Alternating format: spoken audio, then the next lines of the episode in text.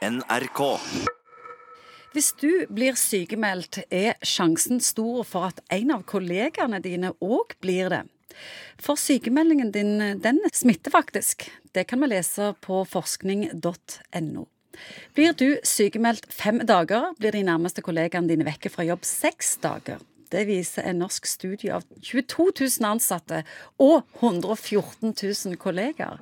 Psykolog Egon Hagen, hvorfor skjer dette? Ja, Det er nok noen sånne gruppeprosesser og sosialpsykologiske mekanismer som regulerer dette. Så vi blir direkte påvirket Ja. av at noen er vekke fra Ja, jobb? hva han synger om, han Bjella, han viser visesangeren, han synger om trygdebygder. Da klart at Noen plasser så sprer jo dette om seg som en aktverdig måte å leve på. Men det jeg har lyst til å si noe først, det er at en jærsk arbeidsholdning det hjelper å stå imot. Alder står imot hvis du er liksom Altså Den arbeidsmentalitet som du er en del av, har mye å si. Og hvis du er, jobber på en stor bedrift på Jæren, så er det en del sånne kulturelle ting der som står veldig imot det på en måte å gi seg over til den type sykemeldingspraksis. Ja, der er du stolt eh, og har aldri vært vekke fra jobb en eneste eneste ikke dag. tale om, ikke tale om. Og trivsel står imot. altså Det har de kjekt på jobben. Mens andre feirer når de har fått uføretrygd. ja.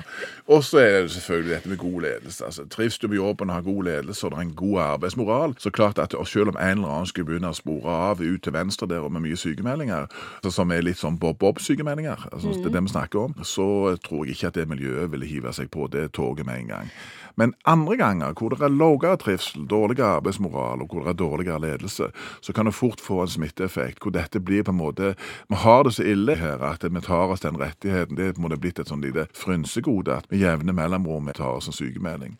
Og da er jo dette et underliggende arbeidspsykologisk fenomen som man må jobbe med. Hva er det som gjør at vi har det sånn hos oss? For den undersøkelsen tyder jo på at det er mer gjengs enn vi liker å tro. Det Ja, og så er det jo noe som også tyder på at eh, jo, jo tøffere arbeidsmarkedet er, så skjer dette i mindre grad. Men hvis det er et godt arbeidsmarked, hvor folk føler stor grad av jobbtrygghet, så er det lettere for at enkelte arbeidsmiljøklynger kan liksom skjære ut til venstre og begynne med denne type praksis.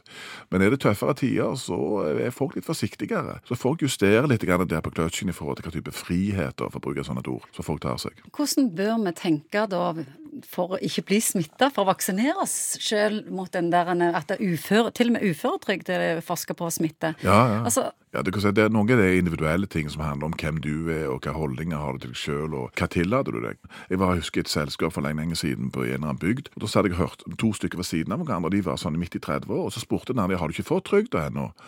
Og da ble jeg ganske overraska, men det viser seg at ekstremt mange der nede gikk faktisk på uføretrygd. På ulike diffuse plager. Og klart at det er jo ikke Det er jo, det er jo sånn i Norge at det er enkelte fylker er bare skyhøye på uføretrygd. ja, og det kan jo selvfølgelig være gode grunner til det. Da må vi være, bevege oss litt forsiktig i og med at dette er et minefelt. Men samtidig så kan det vel nok være litt grann den mekanismen at noen plasser så er det sikkert lettere å ta det skrittet både i forhold til sykemelding i forhold til ulike trygdeordninger enn det andre, fordi at veldig mange andre gjør det. Du skiller deg ikke ut. Og andre plasser så vil det være høyt det å, det å være i arbeid og det å bidra er enormt sterkt knytta til hvem du er, selvrespekten din og din egen integritet. Og da har du en sterkere vaksine faktisk mot dette enn om dette er med en ganske aksepterte måte å livnære seg på. NRK.